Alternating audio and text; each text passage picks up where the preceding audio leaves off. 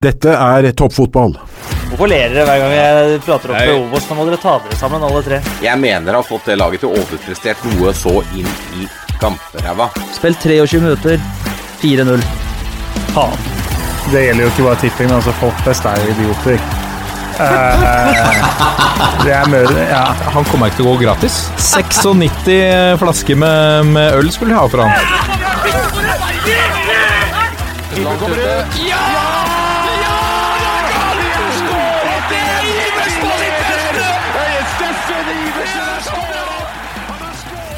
Og der er toppfotball tilbake igjen. Og nå, nå nærmer det seg virkelig. Og det har vi eh, Vi har sagt det i, i ukevis, men nå hold dere i skinnet. Sitt helt rolig. Ikke finn på noe kødd. Ikke gå på byen. Ikke slikk på en stolpe. Ikke ta en buss. Hold dere i skinnet nå. Vi er nødt til å starte Eliteserien eh, neste uke. Og ifølge planen så er det faktisk det vi skal gjøre.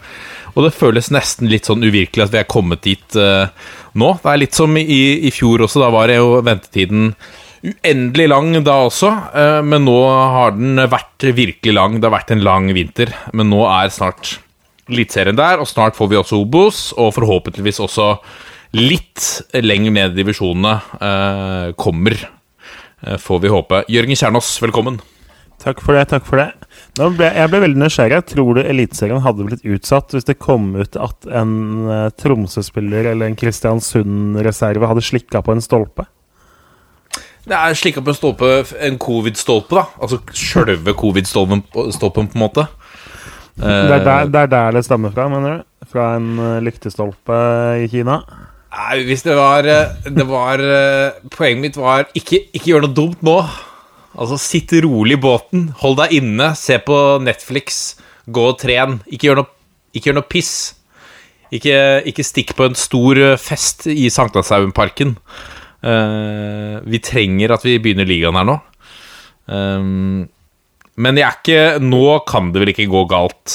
Eller plutselig så får vi en spike uh, opp på, på mandag og tirsdag. Nei, altså seriestart blir det jo. Eh, men det er klart, det er jo Det er ikke til å unngå Gjennom sesongen så kommer vi jo til å få utsatte kamper, så vi er ikke garantert ennå at det er fem kamper vi får se på søndag. Det er vi ikke. Men eh, seriestart er en liten uke unna, og det kan vi slå fast med nesten 100% sikkerhet nå. Ja, vi gleder oss. I dag skal vi snakke litt om eh, treningskampene og, og det vi har lært fra treningskampene eh, så langt opp mot eh, sesongen. Den lille tiden da lagene har fått til å forberede seg. Vi skal gå gjennom fire klubber som sikkert mange mener vi ikke snakker nok om, med, nemlig Mjøndalen, Brann, Kristiansund og Stabæk. Du har tenkt å slakte Brann, Kjernås. Det kan vi allerede tease med. Ja, det har vi jo holdt på med en stund, vi og mange andre. Men det er klart, i, i det man på en måte syns det ser ut som de har en plan over ting, og så gjør de plutselig noe helt motsatt likevel. Liksom Nå har vi bestemt oss for å gå til høyre, og så plutselig så stuper vi til venstre. Det er jo litt typisk Brann. Og så har vi noen uh, lyttespørsmål til uh, slutt. Uh, nå er det puls. Nå kommer pulsen. Og da har vi kommet til pulsen, og vi begynner pulsen med eh, å se litt på treningskampene i Obos og Eliteserien, eh, Jørgen Kjernås. Er det noe du har eh, lagt spesielt eh, merke til eh, som har vært å trekke fram, sånn rent sånn generelt? Oi. Ja, det er, det er jo mye. Jeg har jo prøvd å se det aller meste. Det er klart det, Alt får man jo ikke sett, men jeg prøver å få sett alle lagene, i hvert fall. Eh, så man kan jo dra litt tendenser av det. Fordi vanligvis er det jo skummelt etter to-tre treningskamper å felle en dom, for da det er mye bytter sånn. Men nå er det jo såpass få treningskamper og såpass kort tid til seriestart, så man har ikke tid til å eksperimentere like mye som mange gjør vanligvis, da. Så, så er det jo litt forskjeller. Noen bytter jo hele laget halvveis, og sånn, men noen har kjørt ganske toppa hele veien også. Og det Vi kan jo ikke dra sånn dyptpløyende gjennom alle, men eh, det er noen lag som har mye større grunn til bekymring enn andre. Uh, Stabæk, eksempel, de berga jo inn 2-2 mot Sarpsborg, men så 0-1 mot Odd, og de ser fryktelig lite truende ut offensivt. Eh, spissplass har jo på en måte vært det åpenbare manglet i det laget uansett. Men uh, det de har produsert, eller det de ikke har produsert, for å si det sånn, da, i treningskampene, det, det har vært uh, skummelt så langt. Så Stabæk må virkelig løse sitt offensive spill. Samme så er det jo lag som sliter imot seg denne tabellen. Nei, ikke tabellen, men banen. banen. Sandefjord så helt fryktelig ut mot Mjøndalen. Tapte 0-4 og ga bort så mye rom at det var en autostrada egentlig på alle steder på banen. Jeg skjønner ikke at det er mulig at et profesjonelt lag som trener sammen hver dag, klarer å se så rufsete ut. Og det er liksom Det er Mjøndalen de møter, da. Det er ikke akkurat Barcelona eller Bodø-Glimt. Eh, og så kan man jo si lag som Eh, F.eks. Sarpsborg er jo et av de lagene som det er vanskeligst å spå, for der er det spilt 3-4-1-2, spilt 4-2-3-1, spilt noe som ligner litt på 4-4-2, spilt 3-4-3. Eh, spillere er kantspillere i den ene omgangen, og så er de plutselig indreløpere, og så skal det spilles dypt på midten. Rashad Mohammed er både spiss og høyrekant og venstrekant, og noen ganger skal han være førstemann i press, og andre ganger skal han ut på høyrekanten uh, når de ikke har ballen, selv om han er spiss når de har ballen. jeg tror, tror Sarpsborg er et av de lagene som hadde trengt å ha stabilitet og litt forutsigbarhet der. da. De har skåra skårte 33 i fjor og 30 sesongen før og bytta jo så mye på lag og bytta så mye på formasjon. Så jeg er litt overraska over at de ikke liksom ser på det som et sånt eh, En av de viktige årsakene til at de har vært så dårlig offensivt. da. Jeg hadde regna med at de i enda større grad nå skulle prøve å samkjøre laget og på en måte gå for én stil. Et lag som derimot har gjort det, er jo Mjøndalen, som er litt akkurat det samme. Eh, Vegard Hansen er jo trolig den treneren i Eliteserien som tar størst hensyn til hvilke lag de møter. Bytta ekstremt mye formasjon og spillertyper og spillestil og alt ut fra eh, hvilke lag det er som står på motsatt banehalvdel. Alle lag gjør jo det til en viss grad, men Mjøndalen gjør det til en veldig stor grad, og så har det gått utover deres eget spill. Sånn at Mjøndalen har egentlig bare vært kontring og dødball, for å si det nesten brutalt. Men eh, uh, nå ser det litt mer ut som de har tenkt å dyrke 4-3-3 uh, i enda større grad. da. Mye tydeligere. Gauseth flytta ned på midten, vært prøvd dypt. Eh, ganske tydelige kantspillere i Brochmann og Brustad, så har de Benjamin Stokke på topp. Så jeg endte jo på mitt tabelltips eh, for Nordic Bet med en 13. Nei, det ble vel faktisk en feig 14.-plass på dem. Men akkurat Mjøndalen kan av de på en måte lagene som alle kommer til å spå i bunnen, så Mjøndalen viser noen tendenser, da. Spennende. Og så ellers er det jo mye sånn altså Molde har haugevis av skader. De har jo knapt Eh, liksom et friskt lag på beina akkurat nå, så der er det jo spenninga i hvilke spillere som faktisk mister seriestart. De har jo halve førsteelveren og et par av eh, de nærmeste benkealternativene ute akkurat i øyeblikket. Bodø-Glimt eh, merker jo altså det er Vegard Moberg på topp. Jeg tror ikke det nødvendigvis var eh, planen. Jeg tror ikke det har blitt 103 mål i fjor med Vegard Leikvoll Moberg eh, på topp, det må jeg si. Eh, Rosenborg ser litt sånn De ser bunnsolide ut defensivt. Offensivt litt mer usikker. Men det, jeg tror Rosenborg-forsvaret blir tøft å trenge gjennom den sesongen her, da. Hvordan syns du Markus Henriksen ser ut da på stoppeplass? Nei, Det er jo et veldig godt spørsmål med tanke på at uh, han har spilt ganske nøyaktig null uh, minutter her nå. For det, de har såpass med skade på midtbanen, så han har vikariert i Siljan sin uh, tiltenkte dype rolle på midten. Så Prosjekt Henriksen på stoppeplass lever jo ennå, men han har ikke fått prøve seg fram der ennå. Og det har jo Otto Ulseth var vel bl.a. ute og kritiserte det. Han jobber jo som kommentator for Nidaros i den nye avisa i Trondheim nå. Og Åge Hareide var jo ikke helt enig i det. Men jeg må jo si at jeg synes akkurat der så syns jeg Ulseth har et poeng. For det hvis du skal omskolere en fyr til midtbanespiller, så er det, nei, til midtstopper, så er det veldig rart at han ikke får lov til å øve på det i treningskampene. Selv om han sannsynligvis spiller på midten i de første rundene, så burde han jo også fått seg noen minutter og noen omganger på stoppeplass for å bli vant til det. Hvordan syns du øh, Hvordan syns du Vålerenga ser ut? da? Det knytter seg jo store forventninger, selvfølgelig, og Fagermo er med på å Han er ikke akkurat med på å senke forventningene til eget lag med, med de store signeringene. Han er øh, sitt vante jeg, litt breiale media Uh, nå, har de, nå feide de Raufoss av banen sist, men det er jo Uh, verdt å merke seg en Obos-ligamotstander. Det er litt forskjell på det og det de skal møte. Men, men, men tror du at nettopp det at de møtte Raufoss, er for å få muligheten til å spille inn laget offensivt? Altså uh, få trent på de offensiv, den offensive samhandlingen?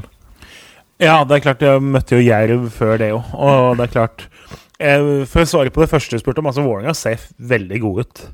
Jeg har vært med i et par andre og hypa opp eh, både Vålerenga og ikke minst Aron Dønnum eh, så langt. Dønnum ser ut som jeg, ikke en million dollar, for han ser ut som fem millioner dollar. Jeg, han eh, Beste budet de fikk i fjor, var vel 16 millioner sånn omtrent. Jeg tror du får mange ganger det, eller ikke mange. Du får mer enn det hvis han fortsetter sånn som han har sett ut nå. Han ser ut som Eliteseriens potensielt store, store profil de første rundene, og kommer til å bli solgt til en bra liga hvis han fortsetter nå. Syns jo Laioni er litt sånn opp og ned, ujevn. Eh, syns Ørn Kjartansson har ganske mye å gå på. Bjørdal og Christensen for så vidt ok. Sarawi har vært litt sånn Har ikke spilt så mye nå. Han holder vel på med faste i fram to, tre, to uker til, eller hvor lenge det varer. Så fikk stå over nå mot Raufoss bl.a. pga. det, da.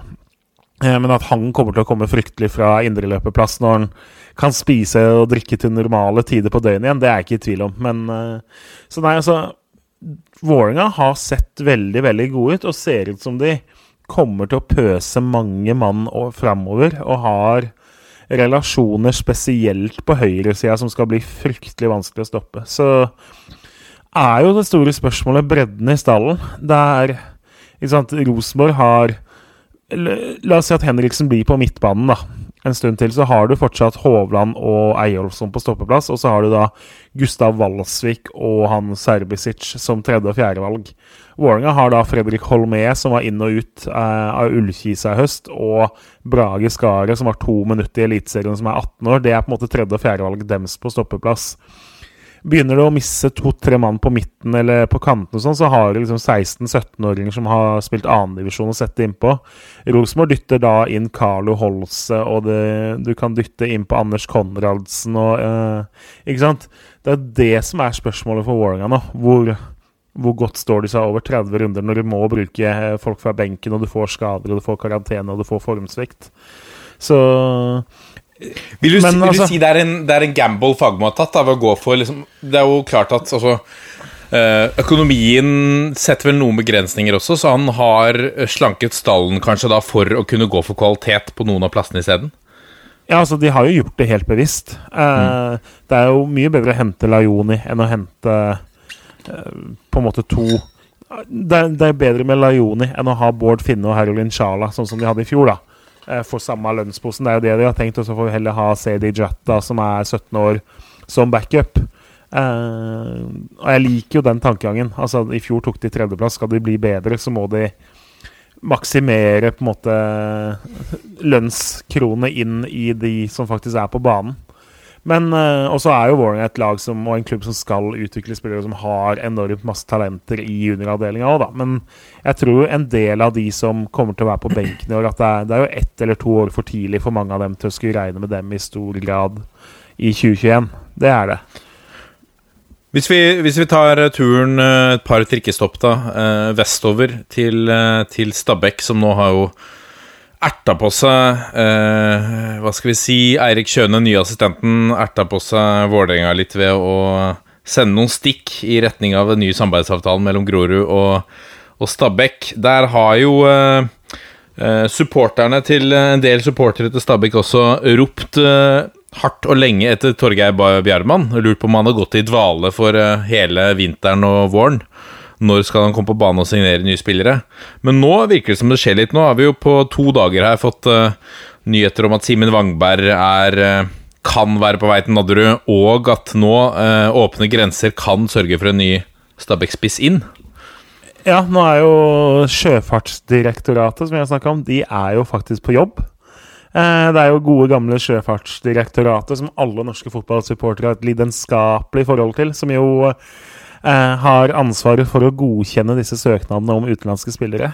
Eh, så de har godkjent veldig mye de siste dagene, og det betyr jo at et ganske tørt marked hvor plutselig Simen Wangberg Altså all respekt for Simen Wangberg osv., men det er noe gærent når Simen Wangberg er den desidert heiteste spilleren på markedet, og halve Eliteserien ønsker seg Simen Wangberg. Da sier det litt om hvilken snål verden fotballen også befinner seg i for øyeblikket.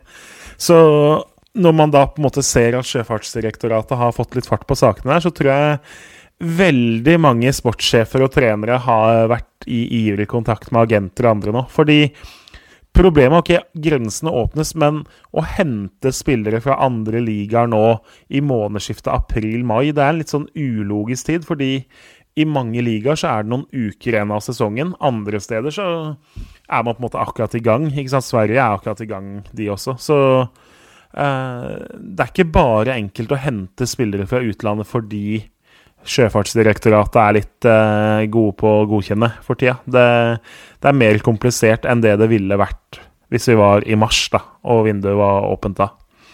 Men ja, Stabæk de, de, Det trengs definitivt forsterkninger. De må ha minst én i forsvar, må ha en spiss. Hvis ikke de får inn en god spiss, så har virkelig ikke Torgeir Bjarmann gjort jobben sin. Eh, selv om arbeidsbetingelsene er vanskelig sånn som verden er nå osv. Han har visst i et halvt år eller at Stabæk er nødt til å ha inn en spiss i det vinduet her. Så du kan ikke skylde på stengte grenser osv. hvis de ikke klarer, klarer å lande det nå.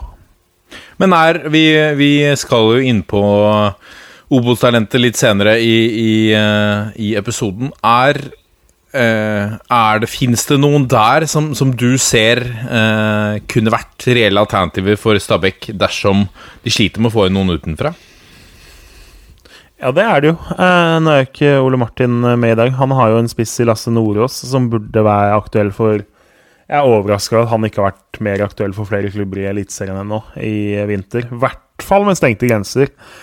Så det er definitivt et navn. Det finnes jo andre navn også, men det er ikke sant? klubba er litt vil jo helst ikke slippe. Sånn som Kristoffer Hoven i Sogndal er et OK alternativ for mange. Sandefjord er litt på der, blant annet. Men Sogndal har jo ikke lyst til å slippe han nå, de heller. Så eh, både der og sånn Joakim Holtan i Bryne og Oskar Aga i Grorud og litt den type spillere er ikke så lett å få ut av klubbene sine nå. Så, så problemet ligger først og fremst der, da. Fordi da veit de klubba at de har en uke på å skulle hente forsterkninger sjæl, og det er vanskelig nå. Ja. Uh, la oss Ja. ja nei, og, det liksom, og det er jo enda vanskeligere for Grorud å erstatte Oskar Aga fordi de har bare deltidsspillere og har ganske lavt lønnsbudsjett og sånn. ikke sant? Stabæk kan også titte til utlandet. Det kan ikke ganske mange av de klubbene i Obos-ligaen. Har ikke samme muligheten. Så de har et veldig begrensa marked i forhold til eliteserieklubbene. Hvis vi hopper litt mer, og så dykker litt i detaljer her, da du varslet uh, i innledningen at uh, Brann gjør mye rart for tiden. Skal du henge deg på Det er jo veldig lett å henge seg på kritikertoget som, som resten av Fotball-Norge kjører nå. det er jo bare å se på resultatene, og så får man litt vann på mølla der. Men det er andre ting også du, du trekker fram som, som, vi kanskje ikke har sett andre eksperter kritisere. Nei, jeg føler jeg var tidlig på det toget, hvis det er lov å si. For det tror jeg jeg har brukt tidligere episoder vi har hatt, i året her på å si at jeg har lite tro på de. Jeg endte med å tippe de på 13.-plass og lurer nesten på om det er for høyt. Men Eliteserien er jo sånn skrudd sammen at når et lag blir kollektivt dømt nord og ned, så kommer jo Brann til å være gjøre det mye bedre. Sånn er jo liksom Eliteseriens naturlover, nesten. Men det jeg reagerer på nå, er jo Uh, og jeg må jo si absolutt Altså Kristoffer Barmen er en flott type og egentlig en fin fotballspiller, uh, som jeg egentlig liker sånn. Men onsdag kom jo da nyheten om at 28 år gamle Kristoffer Barmen, litt skadeplaga, ikke inne i elveren til Brann sånn det ser ut nå, er på en måte cover på mange posisjoner. Har, fått, har, har jo lokal og hatt en anstendig lønn. Har fått en kontrakt som varer ut 2025-sesongen. Og det Altså nå har jo Brann brukt hele vinteren. De har prøvd å få ut Ruben Kristiansen og Eirik Holmen Johansen fordi begge er dyre og overflødige. Uten å ha greid det. De, Bismar Acosta ble sendt på dør. Amer Ordagic ble sendt av gårde til Sandefjord. De har liksom brukt så lang tid nå på å skulle forynge stallen og være mye mer en klubb som tenker økonomi og tenker profitt. Og så velger du å gi en trolig anstendig god kontrakt til en lokal fyr som er inn og ut av laget, og så liksom Ok, hvis du forlenger ett år eller to, men ut 2025, da. Det er så tankeløst. Og så sitter da det er jo da, Nå er det jo uten sportssjef, så det er jo daglig leder Vibeke Johannessen som har eh, stått for avtalen. Og så går hun ut og sier i avisa at du skulle gjerne gitt en tiårskontrakt. Altså Jeg skjønner at man i Brann sannsynligvis liker Kristoffer Barmen, men det er jo elendig klubbdrift. Det, det, er jo det er liksom definisjonen på dum og dårlig og håpløs klubbdrift. Fordi altså, Ok, Barmen kommer til å spille en del minutter i år, men la oss si at han hadde hatt kontrakt ut 2022 eller 2023, da. Hva er, liksom, hva er faren med å ha han som bossmannsspiller da? Hvor mange klubber kommer da til å snappe Kristoffer Barmen, som trolig har millionlønn, liksom, når den kontrakten er ferdig med å gå ut? Det er jo en spiller som du Kom til 2023, da, så ser du om du har bruk for han. Da får du heller innlede kontraktsforhandlinger på nytt med han da. Eh, eller så lar du han gå. Men nå har du liksom, har du bundet opp han ut fire og et halvt år, og de får jo ikke han sendt av gårde noe sted nå. De har liksom de har fanga seg selv i en Kristoffer Barmen-felle. Og det, det, er jo ikke at Barmen er dårlig, men han er, han er 28 år, og Brann skal nå liksom drive og kjøpe spillere, utvikle dem, selge dem videre, og så kan de hente nye lovende spillere, utvikle dem, selge dem videre. Så Nei, jeg, jeg, skjønner ikke helt hvordan de har tenkt der. Og eh, det tror jeg ikke så mange i Bergen heller nødvendigvis gjør. Selv om igjen Barmen en nyttig spiller, men han er ikke noe uerstattelig på noen som helst måte. Han det føles liksom som at det bergenske passet hans er liksom 70% av årsaken her, da. Men, men hvis for liksom å kontre litt på det, da Så i sånn situasjonen er nå i uh, i, på overgangsmarkedet. Ikke så enkelt å hente nye spillere utenfra. Ikke så enkelt å hente spillere fra, fra Obos heller. Um, uh, og signaleffekt ved at en bergenser da avslutter uh, brannkarrieren som Hadde jeg vært agenten til Kristoffer Barmen, så hadde jeg jo kjørt hardt mot hardt og sagt at liksom, hvis ikke han får fire år, eh, så blir det ikke noe. Og da kan dere se for dere avisoverskriftene i lokalavisene. Vil dere ha BT og BA på nakken eh, uh, ved å, å, nå så dårlig Brann er stilt, skal dere også si nei til en lokal unggutt? Det er jo sånn man ville spint han er, den han, han, er ikke, han er ikke ung, han er 28 år. Ja, ja ikke unggutt, sorry. ikke unggutt. Men spiller som er flasket opp i klubben, da. Jo, uh, men, det, men, men, jeg tror Men altså, fire og et halvt år, det er jo hvem det finnes jo ikke. Det er jo når du betaler millioner for tenåringer. Da gir de dem så lang kontrakt. Liksom det Men det, luk, holdt... det, lukter litt at han har stilt hardt mot hardt her. Da. Ja, ja, men da du, Hvis du så mye frykter Altså, så skumle er ikke BT og BA. Eh, at hvis Barmen ikke vil bli ut 2023, så får du heller ta de overskriftene, tenker jeg. Det, eh, det bør man være vant til. Så nei, jeg, jeg klarer ikke skjønne det. Og det, jeg skulle gjerne sett en bedre forklaring enn at han er bergenser og en fin fyr og har vært her lenge, liksom. Ja. Det blir spennende å se, da, om uh, hva slags rolle han spiller uh, fremover. Um, ja, altså Han kommer jo til å spille en del. Nå er jo Daniel Pedersen ute, så han kommer jo sikkert til å starte i den dype rollen, eller én av to dype roller uh, i seriestarten. Kommer mm. sikkert til å starte halvparten av kampene, men han har jo hatt litt skadeproblemer med den her nakkeskaden sin etter at han hadde den her ulykka som i Haugesund, hvor han landa helt skeivt, og det kunne gått gærent, liksom. Så Men det er jo et ustabilt kort, og han er jo ikke noe uerstattelig på noen som helst måte. Så jeg, bare, jeg, jeg skjønner ikke det, at de velger å gjøre det. Kristiansund, da. Hvordan syns du det står til uh, der, nå etter en treningskamp mot Rosenborg, annet? Uh, jeg, Kristiansund er jeg usikker på i år, altså. Og det er jo litt skummelt, fordi Kristiansand Nei, Kristiansand gjør det. Gikk, først gikk vi i den fella, og så er jo en annen velkjent felle at Kristiansund undervurderes jo alltid.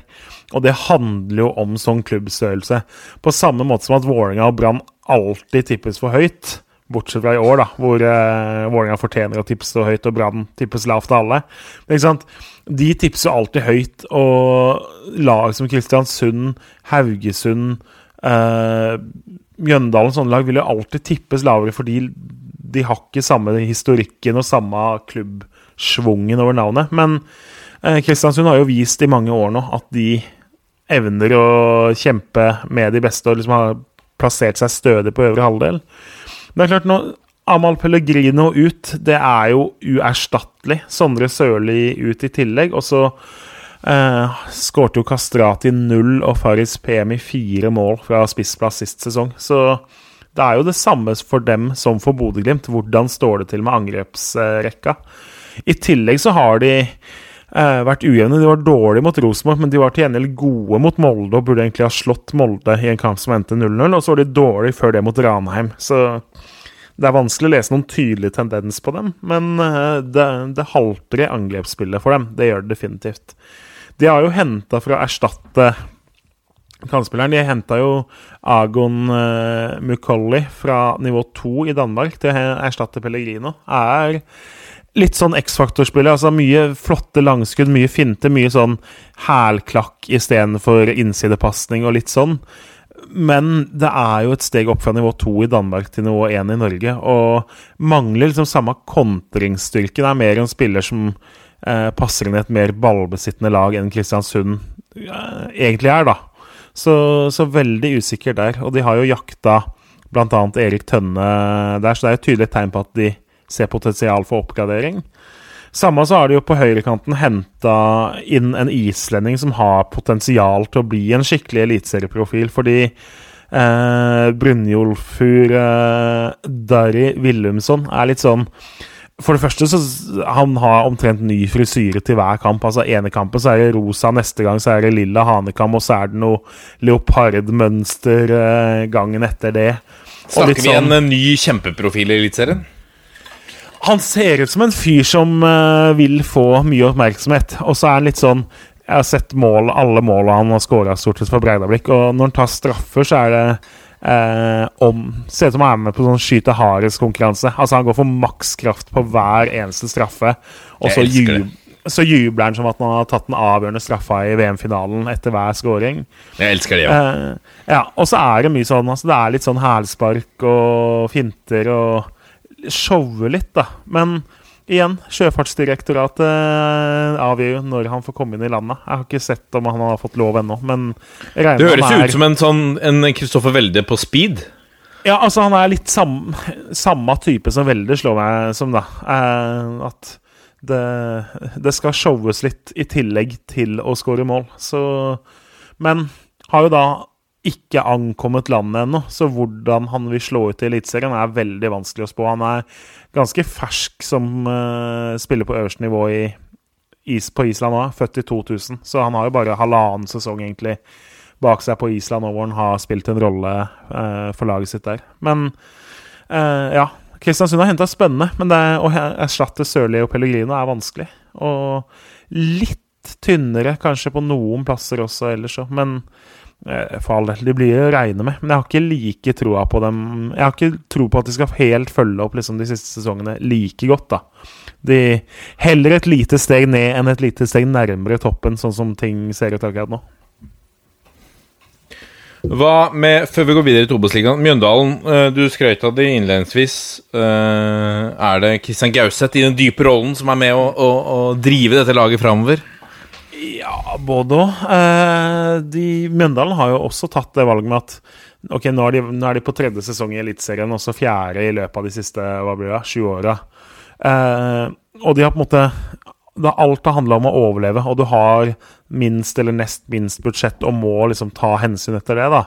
Så Vega Hansen var jo veldig ærlig på at ok, i år så litt tynnere stall. Unggutta skal faktisk få sjansen. Vi må bli en selgende klubb. Vi må tjene penger.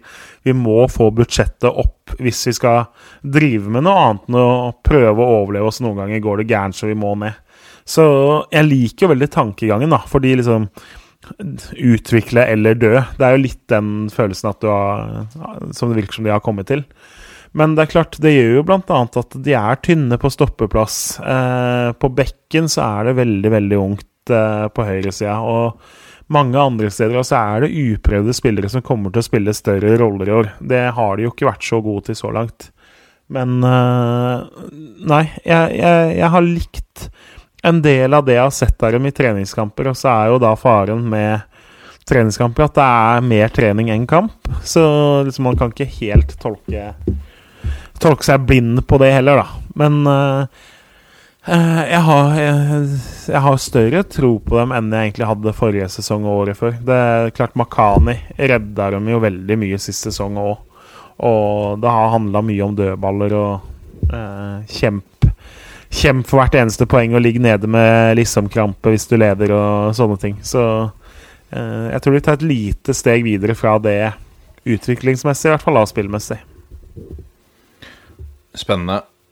Vi går videre til uh, Obos-ligaen, Kjernos, fordi vi, ja, vi nevnte Nå er jo Kole Martin her. Han er jo uh, Han uh, har jo denne utsatte posisjonen som trener i toppfotballen, så plutselig så melder det seg store behov i, i klubb som gjør at han ikke får vært med. Men han har en spiss der som vi har nevnt uh, opptil flere ganger i denne podkasten, Lasse Nordås.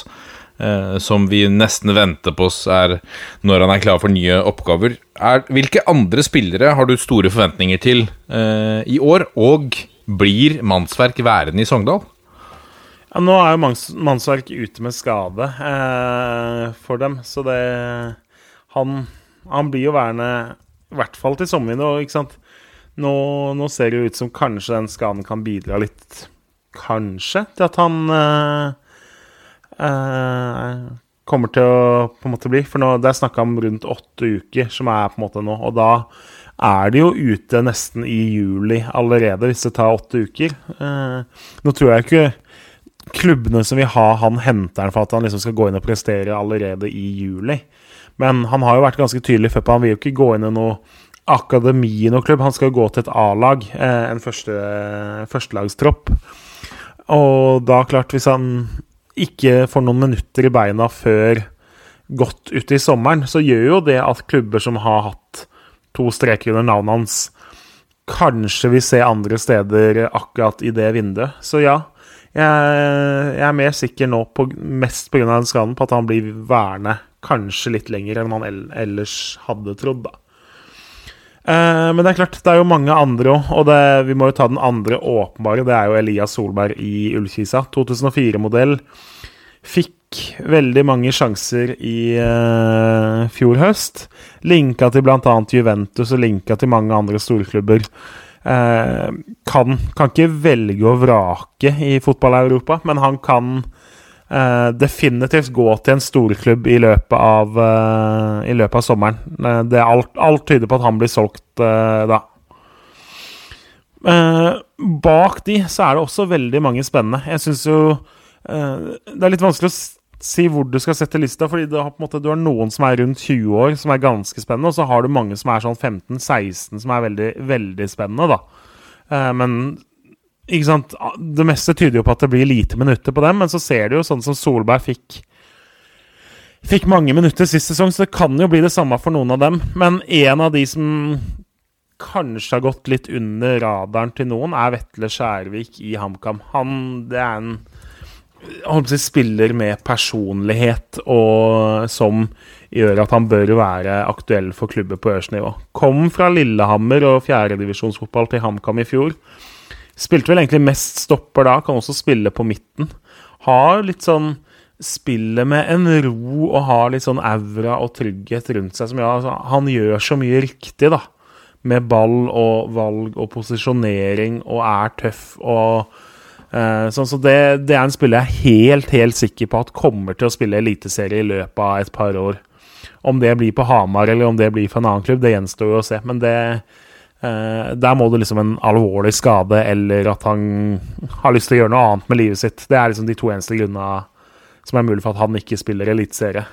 For det, ellers så går den pila oppover. Uh, HamKam har også en veldig spennende 15-åring, Benjamin Thoresen Farås, men han uh, knakk beinet, var det Eller tok ankelen her for noen dager siden, så han blir jo da ute en stund, han også. Og Da, han er 15 år, jeg tror han kunne fått spilletid uh, i de første rundene, hvis ikke det hadde vært for det. Så det er litt synd. Bak de så har du jo Joel Mvuka i Åsane, som uh, var ute mye med litt sånn usikker helsesituasjon sist sesong. Kom litt tilbake da. Har så vidt vært å vise deg fram fra Bodø-Glimt. Venstrekant som er hva skal du si, YouTube-vennlig. Eh, det er på en måte det er, det er mye hælspark og finter og altså liten og kjempekvikk og eh, ballen ser limt fast Ser ut som den er limt fast i føttene hans. Så det er en spiller med kjempepotensial, og som kommer til å få mange sjanser for, uh, for Åsane denne sesongen her. Bak de òg, så har du Ja, så må vi jo, som vi har gjort i andre sammenheng, nevne Joakim Holtan. Så storskårer for uh, Først for Mandalskameratene i tredje, så for Bryne, toppskårer i andredivisjon i fjor, og rykka opp med Bryne. Han uh, skårte vel Var det to mål han satte inn mot start her i treningskamp, blant annet. Og uh, han er en sånn spiller som bare lukter mål av. Litt sånn som Vi hadde han i, vi hadde han i kåringen Hvilket år var det? Sannsynligvis Mandalsåret, så det var jo Yes. 2019, tipper jeg. stemmer. Han Ja. nådde ikke helt opp. Nei. Eh, så har du to mann i Fredrikstad. Du har jo Tafek eh, Ishmael, som de har Mm. henta fra Skeid. Eh, kantspiller med kjemperåpotensial. Må liksom finslipes, må eh, Sannsynligvis ikke den enkleste å spille sammen med heller akkurat for tida, men eh, tok veldig steg i Skeid sist sesong, og eh, syns det er en veldig spennende signering. Og så har du en 2000 og- mm, Kan vi, kan vi stoppe opp litt, selv om dette er jo et, Ja. egentlig et spillersegment, kan vi stoppe opp litt på FFK?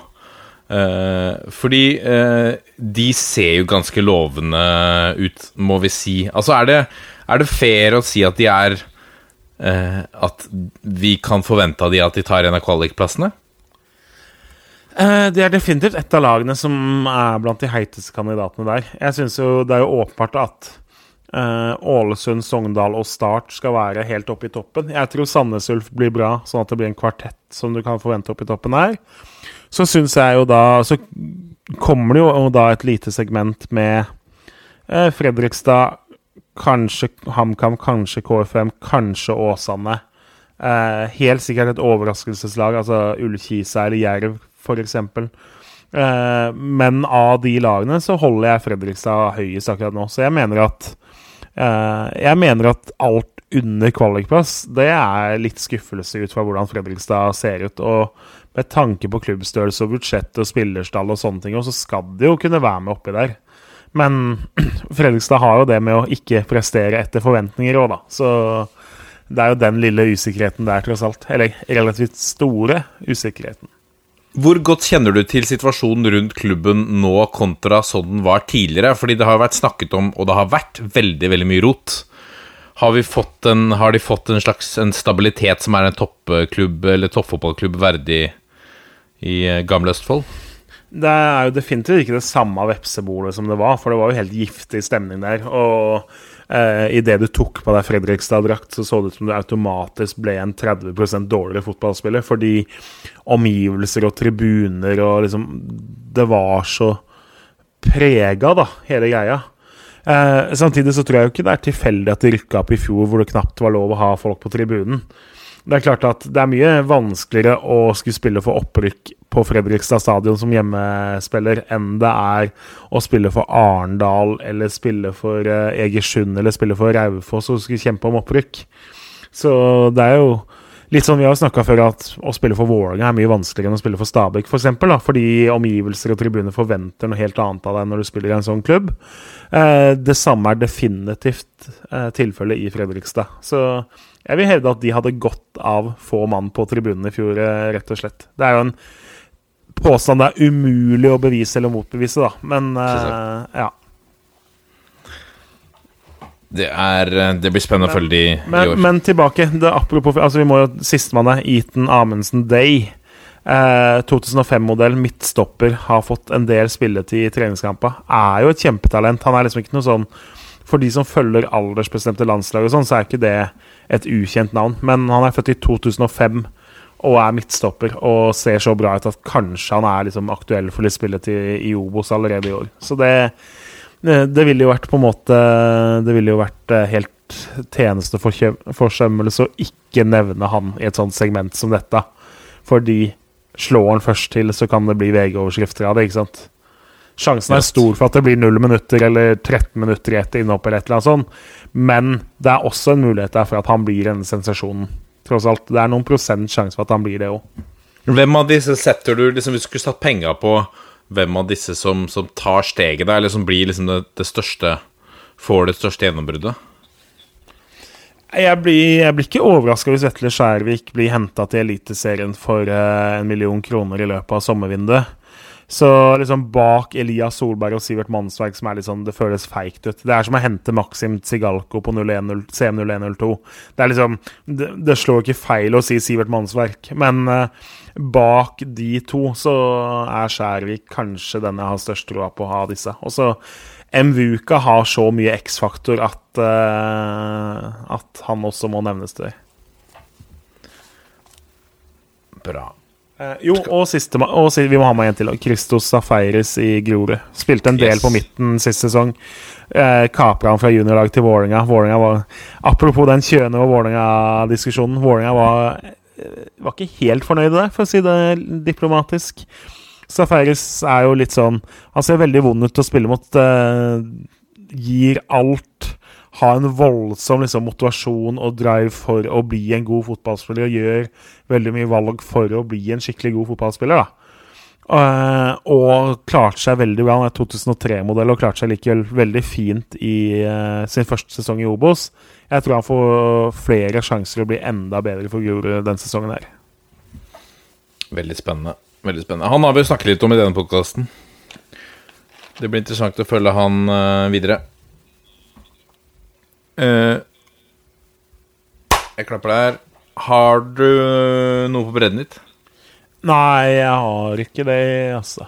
Nei. Jo, jeg har én. Jeg har én. Ok. Ja.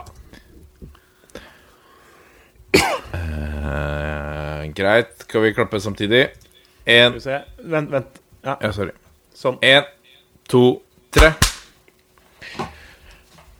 Og da er det klart for eh, Breddenytt ved spaltens president Jørgen Kjernås.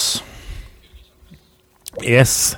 Eh, vi har jo tidvis Vi har jo toucha innom både breddebarter og eh, Ikke minst breddefotballens herligste navn har vi jo toucha litt innom i spalten. Og Elendig respons da, på breddebart foreløpig, må vi kunne si. Ja, jeg må si at breddebart har et uforløst potensial. Det kan vi slå fast. 100%. Men når, når det gjelder navn, så kommer jo da dette, Denne har jeg jo venta litt på. Eh, Skeid valgte å ta opp seks spillere fra juniorstallen til A-stallen eh, her nå. Eh, og det er et par lovende og spennende spillere. Vi må jo nevne yngstemann, født 2004. Jakob Romsås med mellomnavnet Napoleon. Oh. Altså, det er jo som skapt for en tabloidoverskrifter hvis, eh, hvis han skulle slå seg høyere opp enn å være en del av Skeids avstall. Uh, Napoleon erobrer Eliteserien, eller hvordan man skal si det. Det, det, er, jo et, det er jo et strålende navn som eh, Det er jo ikke helt Daddy's Boy på Franklin ny en tur på Sandefjord, men det er ikke så langt bak. Eh. men se for deg overskriften også hvis han uh, om, om seks år er eh, fem-seks år er kaptein på Skeid, så blir det jo Napoleon med sin her, selvfølgelig. Ja, ja. Og det, altså det, det, er ikke, det er ikke en vanskelig jobb å lage overskrifter da. Det er det ikke. Så det var, det var kort og godt dagens Breddenytt. Eh, ikke like kort som den originale Napoleon, sier, men eh, nesten like. Oh, han, var ikke, han var ikke så lang, nei. Hvor lang var han? Nei, uh, det er det vel uh, var, Strides uh, ja, Jeg ser Google påstår 1,68. Jeg må innrømme jeg trodde det var lavere enn det. Det er vel det samme som Mini, er det ikke det? Så det er jo ikke Ja.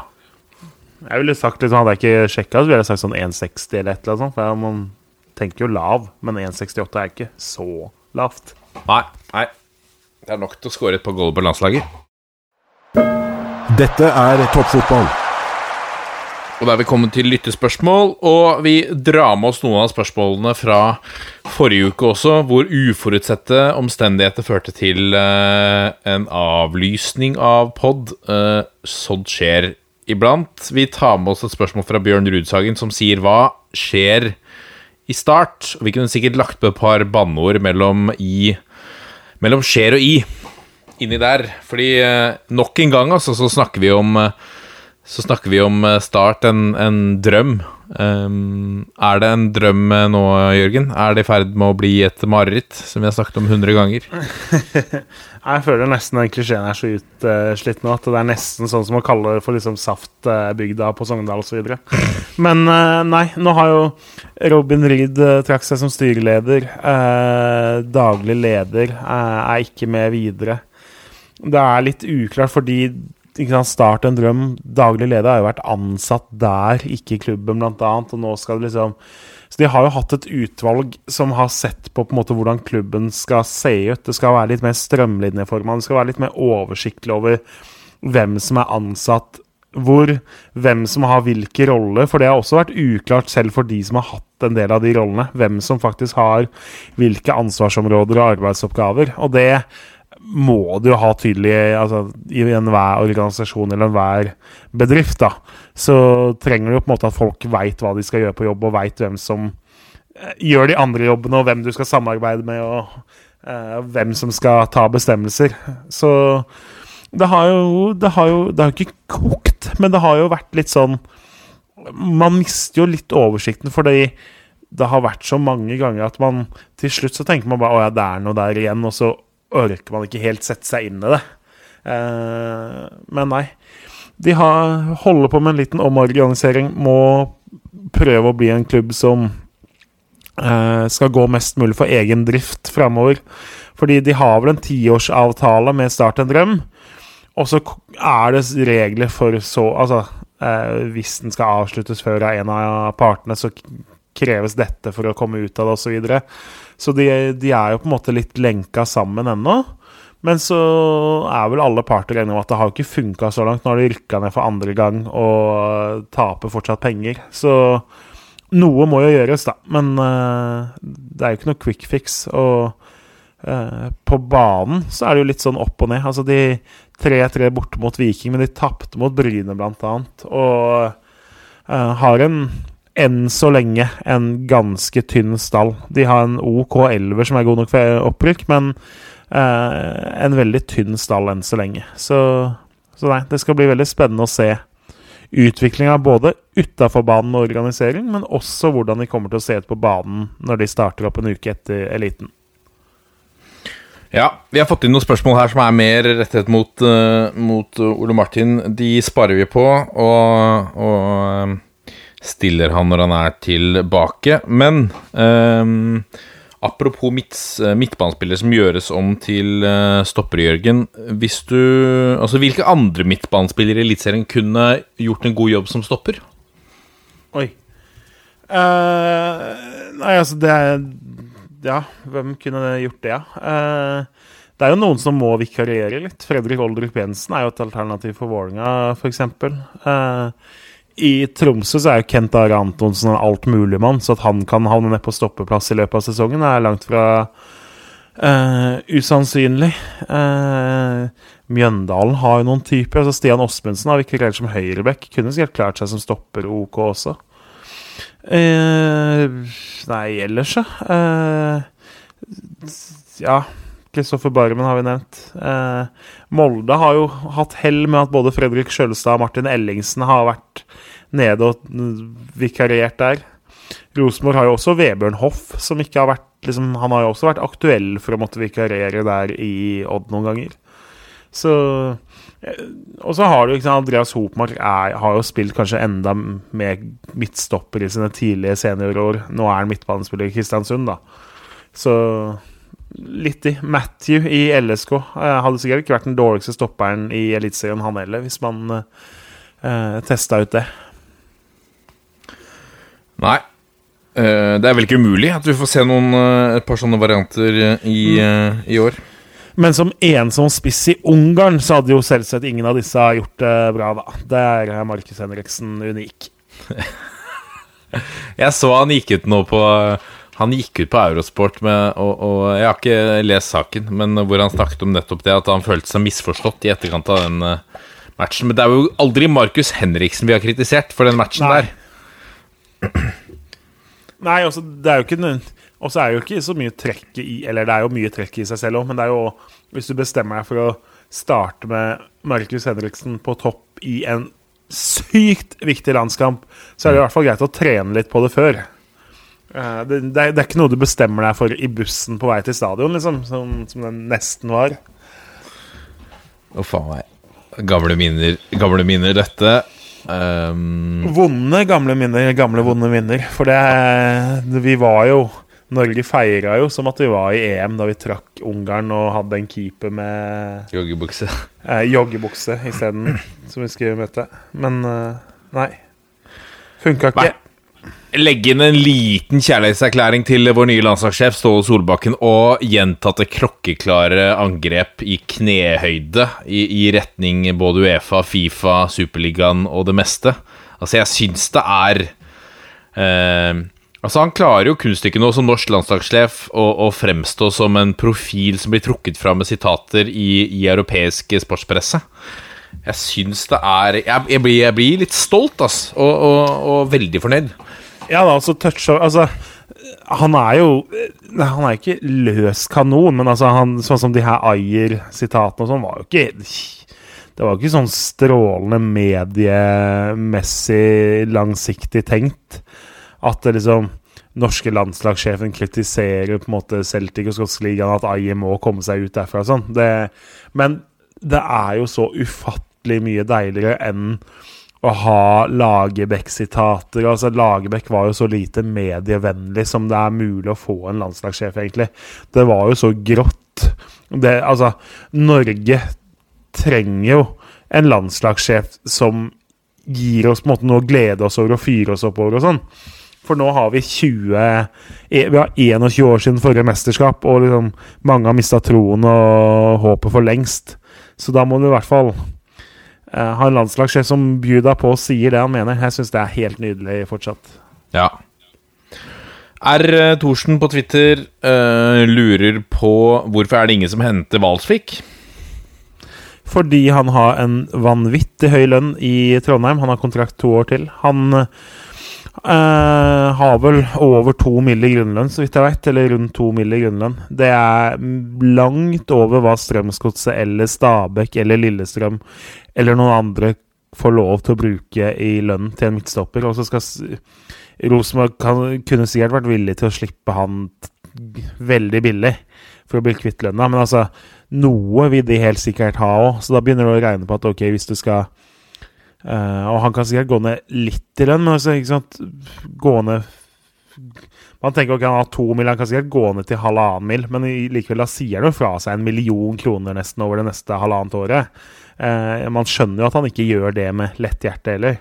Så, så, det er rett og slett der, der uh, det står at Og det er jo problemet til Rosenborg. Og det er jo litt det samme som man ser hvis Manchester United eller Barcelona eller noen andre storklubber betaler masse lønn til feil spillere, så er det jo umulig for dem å bli kvitt dem, fordi det er så få som kan matche det, det de spillerne allerede tjener. ikke sant? Vincent Bogarde er jo verdens beste eksempel. Ja, det var jo litt annen case, med, tross alt. Han, han trente vel med juniorlaget i fire og et halvt år for å få de pengene sine. Eh, der er jo ikke valget men altså Nei, det er rett og slett der det står. Og jeg tror, jeg tror det ender med til slutt en avtale hvor på en måte eh, Rosenborg betaler litt av lønna, ny klubb betaler det meste av lønna. Han får lov til å gå på lån eller en eller annen sånn slags avtale, da. At, mm. eh, for det er klart, man skjønner jo han òg. Han vil jo ikke si fra seg 50% av lønna, men hvor går grensa for hva han er villig til å gi fra seg òg, da. Ja. Og akkurat nå så tror jeg det han på en måte er villig til å godta i lønn, er mye høyere enn det noen er villig til å gi han noe annet sted. Ja. Hogner, eh, Hogner X, Trym Hogner, en toppfotballvenn, eh, lurer på Filming i treningskamper. Er det enda mer sjofullt enn å filme i kamper som betyr noe? Det føles vel slik? Da i retning Amor Lajoni og det teatralske fallet han hadde mot Raufoss? Det var ikke mye kontakt der, det kan vi vel slå fast. Det, det, det så det, Vindpust? Ja, altså, det blir jo et selvsagt svar på det. Det ser jo kjempe, kjempe, kjempeflaut ut, uansett om det spilles om poeng eller ikke. Men spilles det om poeng, så har man jo i hvert fall en viss forståelse for at spillere gjør det, da. Da, sant? Det står nå på spill. Nå møter du Raufoss i en treningskamp. Det, det ser ikke kjempeelegant ut da. Og jeg tipper han har fått ganske OK korreks for det i ettertid. Jeg Men håper det skal, det skal trenes på det også, da. Sånn at det sitter, filmingen sitter ordentlig da, når vi sparker i gang neste uke. Ja, ja. Vi hadde, da jeg spilte i åttendedivisjon, så hadde vi jo bestemt oss for at vi skulle på en corner. Så skulle vi jo da ha alle sju som skulle inn i feltet, skulle starte rett utover 16. Så skulle vi da løpe inn i feltet så fort vi kunne, sikte oss inn på hver vår forsvarsspiller. Liksom bare løpe rett inn i hver vår forsvarsspiller. Falle teatralsk til bakken og hyle etter straffe idet corneren kom. Fordi vi tenkte at hvis sju mann hyler etter straffe samtidig, så må jo dommeren tro på i hvert fall én av oss. Uh, Ja. Men pro problemet var jo at uh, flesteparten av oss feiga ut. Det var to som gjorde det sånn halvordentlig, og de var skikkelig dårlige i timinga. Og resten av oss egentlig feiga, eller flaua ut i uh, avgjørende sekundet der. Så det, det, ble, det ble fryktelig pinlig. For en variant. Men det var, jeg, jeg syns jo som tanke så var det jo godt. Vi øvde, vi var skikkelig gode på det på trening, altså. Der var vi helt vanvittig gode på synkron filming eh, på corner. Jeg håper vi får se flere litt sånne varianter. Jeg liker sånne varianter. Jeg husker spesielt godt Tommy Svindal Larsen-varianten, Stabæk. Den funka jo én gang, hvor han tok med seg ballen etter cornerflagget, og så er det en, eh, er det en motspiller som bare tar med seg ballen og løper inn mot mål. Fordi har han det, rulla ballen. var, det, var det Svindal? Var det, ja, det var, Jeg mener det var Tommy Svindal Larsen. Det var i hvert fall en Stabæk-spiller som gjorde det. Eh, og den er jo gøy. Det er jo flere som har prøvd den med varierende hell. Mm. Eh, samme er jo sånn Jeg sa den startvippen, jeg. Hvorfor har vi ikke startvippen på uh, frispark mer? Men problemet er jo at startvippen funka jo fordi når folk sto i mur for 25 år siden, da sto du i mur Ja. til den ballen var skutt enten i krysset eller over mål. Mm. Mens nå, med en gang noen vurderer å ta et frispark, så kommer det jo tre mann styrtende ut fra muren, ikke sant? Ja. Så ikke sant, før den startvippen har begynt på turen sin ned, så er jo den ballen klar, klarert allerede. Men uh, noen sånne varianter vil vi gjerne ha. Og klart Mjøndalen har jo den her som de prøver et par ganger hvert år, hvor de later som at de krangler om timinga på frispark, og så plutselig blir den tatt inn likevel og sånn. Og det, det må folk ha begynt å lære seg. Men men ja, jeg, jeg er svak for altså Jeg er ikke svak for filming, som vi starta her med, men jeg er jo svak for sånne fiffige varianter på dødballer og sånn. Det hadde Vi- samme Ja. Vi så et år at eh, Er det to år siden? Tre år siden? At alle samtlige lag i Eliteserien omtrent tok avspark og eh, moste ballen opp til et høyt innkast så langt opp i banen som mulig for å kunne flytte laget opp og sette press veldig tidlig. Og det fikk vi høre var eh, adoptert fra, fra league Ø, league Dø i, i Frankrike. Noe som de hadde sett der og forsket på og funnet ut at det var, eh, det var en meget effektiv modell. Men det, har vi liksom slutta litt med. Ja, det, men det er klart det er jo gøy med sånne varianter. Men er- de fleste av dem blir jo kortliva. Enten fordi de ikke er så effektive som man tror, eller fordi man har åpna opp og avslørt hemmeligheten. Eh, hvis et lag har et skikkelig bra cornertriks, så får jo alle motstanderne beskjed om å eh, passe på hvis de gjør dette. Så det må jo hele tida utvikles og modifiseres og endres. Og, eh, og så må det på en måte legges litt i pausekøen igjen før det dras fram igjen, når folk har glemt at de gjorde det for noen måneder sia. Ja. Vi tar et spørsmål fra eh, Fra Marius Nettelt, som lurer på Dette lurer alle på, selvfølgelig. Eh, du inkludert, Jørgen. Blir det noe breddeball i år? Uh, ja, jeg har bestemt ja. Nå er jeg lei, uh, så jeg har bestemt ja. Uh, nei, det, det, jeg har jo hele tida tenkt at det må jo bli det i høst. Men jeg tror det har gått blitt et sånn prestisje. Jeg er nesten ikke sikker lenger, men det Jeg orker ikke helt å forholde meg til at nei er et alternativ her lenger. Jeg har bare bestemt meg for at ja. Men da må vi også skyte inn Annendivisjon er kanskje ikke breddefotball, men det er så teit at nå er det altså 24 lag som får trene der, og de fire siste lagene får ikke trene. Aske, Bærum, Moss og Eidsvollturen er det vel, får ikke trene ordentlig. Og det er liksom Det er så teit. Det, det, er, det er liksom ikke der koronaslaget står nå, på at Eidsvoll-turen trener med én meters avstand, mens uh, Kvikk-Hallen trener vanlig. Det er, det, det er ikke der kampen står akkurat nå, uh, vil jeg hevde. Så uh, som, altså, som mange andre så tror jeg at alle de snodige og håpløse og vrange inkonsekvensene der er liksom det som gjør at man mister litt motet for en del av de tiltakene som tross alt må til nå, da. Ja. Eh, man skjønner at det skal tiltak til og hensyn, og alt kan komme sånn, men liksom, det er så mye sånne snodige varianter. Så, nå sporer vi helt av, men sånn som i Oslo, så Nei, nå skal de åpne for ti gjester i private hjem, sier Raymond Johansen. Og så går Bent Høie ut og sier at nei, vi forventer at Oslo-borgere følger regjeringas regler om fem i hvert hjem. Så det er ikke rart folk blir forvirra, men kan ikke, jeg tenker åpne opp så Eidsvollturen og Moss og Asker og Bærum får trene, og så kan jeg heller krangle litt med Raymond Johansen etter det, da. Absolutt. Absolutt. Eh, Rune Fitjar eh, lurer på har Drillo-fotballen gått helt av moten i Norge, i hvert fall offensivt, og i så fall når og hvorfor. For få år siden snakket alle norske trenere om gjennombruddshissighet og bakrom i de fleste sammenhenger. Nå snakker de fleste om grunnspill og setter i gang kort bakfra. Hva, hva tenker du om det? Hva, hva sier faren din om dette temaet? Det er jo så Drillo-fotballen i sin jeg, pureste, reneste tolkning har jo vært død veldig, veldig lenge. Eh, gjennombruddshissighet og bakrom er jo ting som man fortsatt jakter, men lag er jo organisert på en helt annen og mye bedre måte nå, så det er jo mye vanskeligere å angripe måte de romma like effektivt og like enkelt som det man kunne gjøre på midten av 90-tallet. Men det finnes jo veldig gjennombruddshissige lag fortsatt i Norge. Nå er jo Viking går jo over nå og skal bli mer spillende, men i fjor så var jo de på en måte Flytt ballen så kjapt som mulig oppover med en gang vi har vunnet den, og storm inn i de områdene hvor det er størst sjanse for å skåre mål fra. Eh, de var ganske konsekvente på det, og det er andre lag, og Kristiansund, på måten de på en måte utnytta Pellegrino sine uh, egenskaper da, med en gang de vant ballen og det faktisk var mye bakrom å finne for han. De slo jo Det var ganske mange som bare hadde i oppdrag i Kristiansund at hvis du vinner ballen, så slå den langt og hardt over høyrebekken, for der skal Amal Pellegrino ha starta på løp. Han er raskere enn alle andre.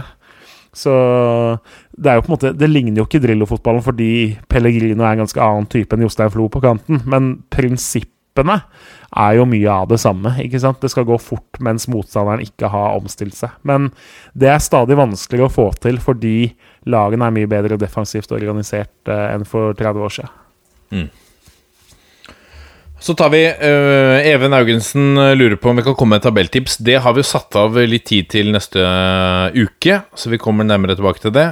Um, uh, ja, Sindre Taul Sandstad lurer på hvor spiller Vangberg første runde. Jeg eh, tror han er eh, Tromsø-spiller da vi sparker i gang. Jeg må jo si altså Det virker som Stabæk er det heiteste alternativet akkurat nå. Men jeg må jo si jeg er veldig overraska over at Tromsø har tenkt å selge han nå. Vi har jo vært inne på at Tromsø er en kjempetynn stall. At de skal la kapteinen sin gå. Eh, jeg klarer ikke helt å skjønne det. Annet enn at ok, han har utgående kontrakt etter sesongen, men eh, altså det er etter sesongen. Det er 30 kamper til den kontrakten går ut. Uh, så selv om du får en million nå, det er mye dyrere å skulle drive og rykke ned. Å finne erstattere er veldig vanskelig. Så jeg klarer ikke helt å skjønne at Tromsø, med den stallen de har nå, er villig til å slippe han til en potensiell nedrykkskonkurrent. Altså, da. De og Stabæk kan fort være nede der, begge to. Så jeg skjønner ikke helt den, men uh, nei. Nei, det blir spennende å se om man må jeg jo si også, også skjønner, Apropos Brann, som jo har sagt litt tidligere. Altså, der var de jo ute på BT. Altså, Vibeke Johannessen igjen. Uh, de ville ikke være med i kampen, for de likte ikke det Tromsø dreiv med, liksom. Det virker som Tromsø tilbyr han til alle, eller er desperat etter å selge han, eller Altså, jeg skjønte ikke helt den. Han var liksom, men er du Du gidder ikke å være med i budkampen på Vangberg fordi Tromsø også har prøvd å få andre klubber interessert for å tjene mest mulig. Altså, hvis du skal bli sur for at en selgende klubb har lyst til å få flest mulig klubber interessert i spilleren din, da, da får du ikke tak i mange fotballspillere, liksom. Eh, det er ikke sånn at Tromsø bare Oi, Brann har lyst på Simen Wangberg, nå selger vi han kun til Brann. Vi, vi, kommer ikke til å selge til Stavik fordi Brann var først på banen. Altså, jeg håper det er noe mer bak den, for det, det virka jo veldig snodig på meg. Ja, går inn i rekka av snodige ting som skjer i Bergen for tida, kanskje. Um, skal vi si det er greit? da? Vi kommer jo knallsterkt tilbake neste uke, Jørgen, med tabelltips. Ja, da skal vi bomme noe fryktelig. Nei da. Det, eh, jeg syns det er veldig vanskelig år. Jeg driver jo og spår tabellen nå eh, igjen i Nordic Bet. Og jeg, jeg har landa litt på altså Topp fire er jo åpa for mange. Ja, jeg ingen lag jeg har lyst til å ha på femte- og sjetteplass. Eh, tabellen er jo bygd opp sånn at noen kommer jo til å ende på femteplass i år, og noen ender på sjetteplass. Det, med mindre det blir delt fjerdeplass, da, osv. Men eh, jeg, jeg, klarer ikke å finne Altså, jeg har jo funnet de laga, men jeg har ikke lyst til å ha de der. De laga jeg har tippa som nummer fem og seks, hadde jeg lyst til å ha som nummer sju og nummer åtte. Men det var ingen av de jeg tippa bak, liksom, som jeg heller har lyst til å ha oppi der, da. For i fjor så hadde du klokketro på annet Haugesund, eh, som jo mm. slo litt feil ut, eh, mildt sagt. Men, men uh, har du ingen av de lagene utenfor topp fire som du tenker at shit, nå, disse kan gå og true? Vi snakket jo litt om Viking da, tidligere. Hvis de får inn en tripitch-type eller en ny sånn storsignering, at de kan true den fireren? Ja, de kan jo det, men jeg, jeg vet ikke. Det er Viking og det der nye altså skal spille på en helt annen måte. Jeg har ikke helt troa på at det er veien å gå for Viking med det mannskapet de har heller, og det har ikke sett så bra ut. Men de er nærmest. Det er definitivt. Odd har noe i seg. Haugesund har jo en bra elver.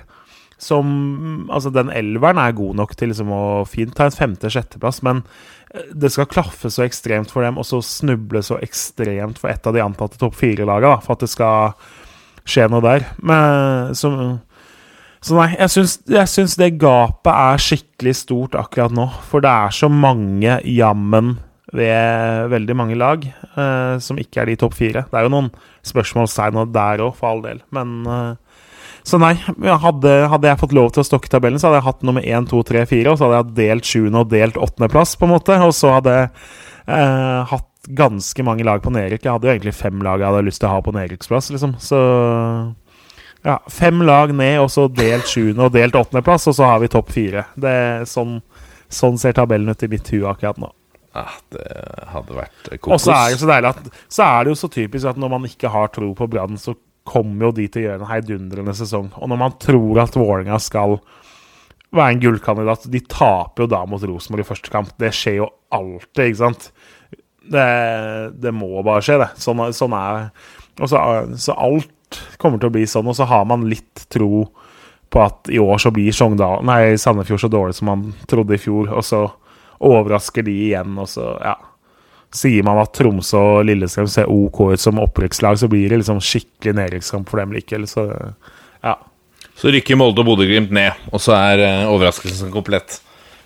Oh yes, Nei, det, det, det, så ille blir det jo ikke. Men at, uh, at det er få liksom, andre medaljekandidater, det vil jeg hevde i år. Og at det er mange lag som kan havne i nedrykksstriden, det, det, er det.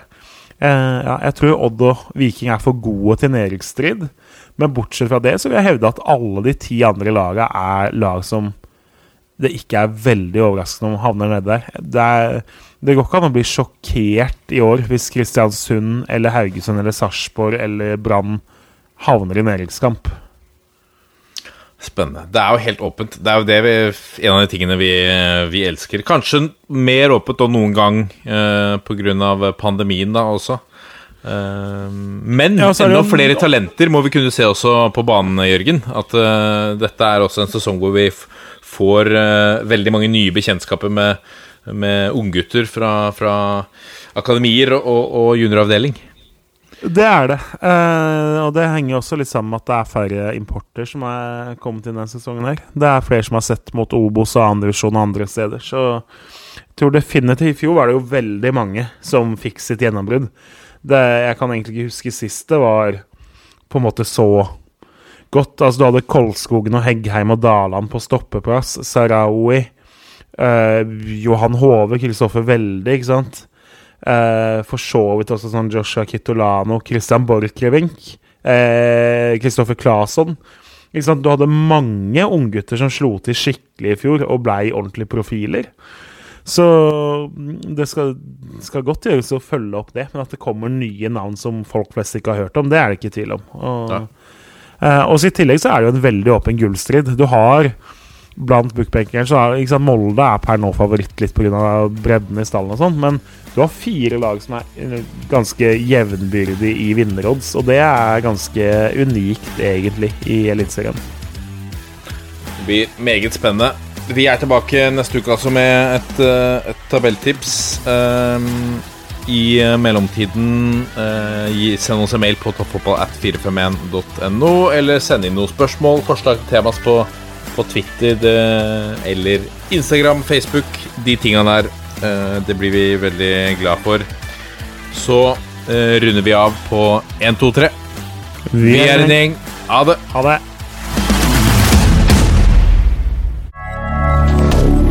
Moderne media.